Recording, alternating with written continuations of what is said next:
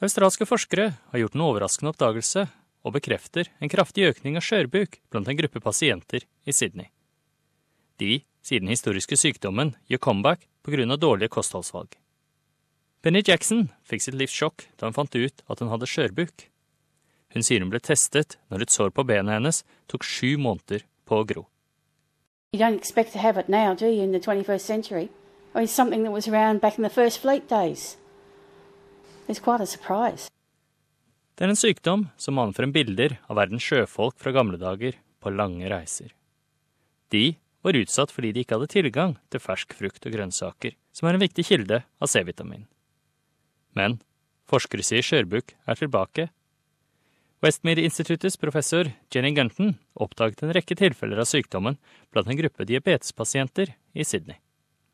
Hun sier folk med diabetes kan være spesielt utsatt fordi de ofte reduserer fruktinntaket for å unngå høyt blodsukker. Professor Gunton sier symptomer inkluderer sår som tar lang tid på å leges. You get easy bruising under the skin, so you may have a lot of bruises. The gums bleed when you brush your teeth. If it goes further than that, your teeth can start falling out, you get increased risk of fractures, the muscles become weak.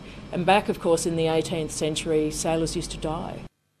Rådene for å unngå skjørbuk er de samme som eh, de får et generelt sunt kosthold, inkludert å spise rikelig med fersk frukt og grønnsaker.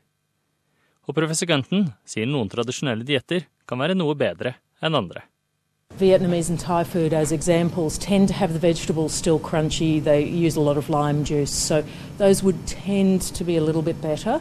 The older English Anglo Saxon culture of cooking the vegetables until they're defeated um, would make you more susceptible. Hun sier det er viktig å ikke overkoke grønnsaker, noe som tar ut noen av næringsstoffene. The fresher the better. And when you're cooking vegetables, it st should still have a bite. It should have a crunch to it. If it doesn't, you've probably cooked it too much.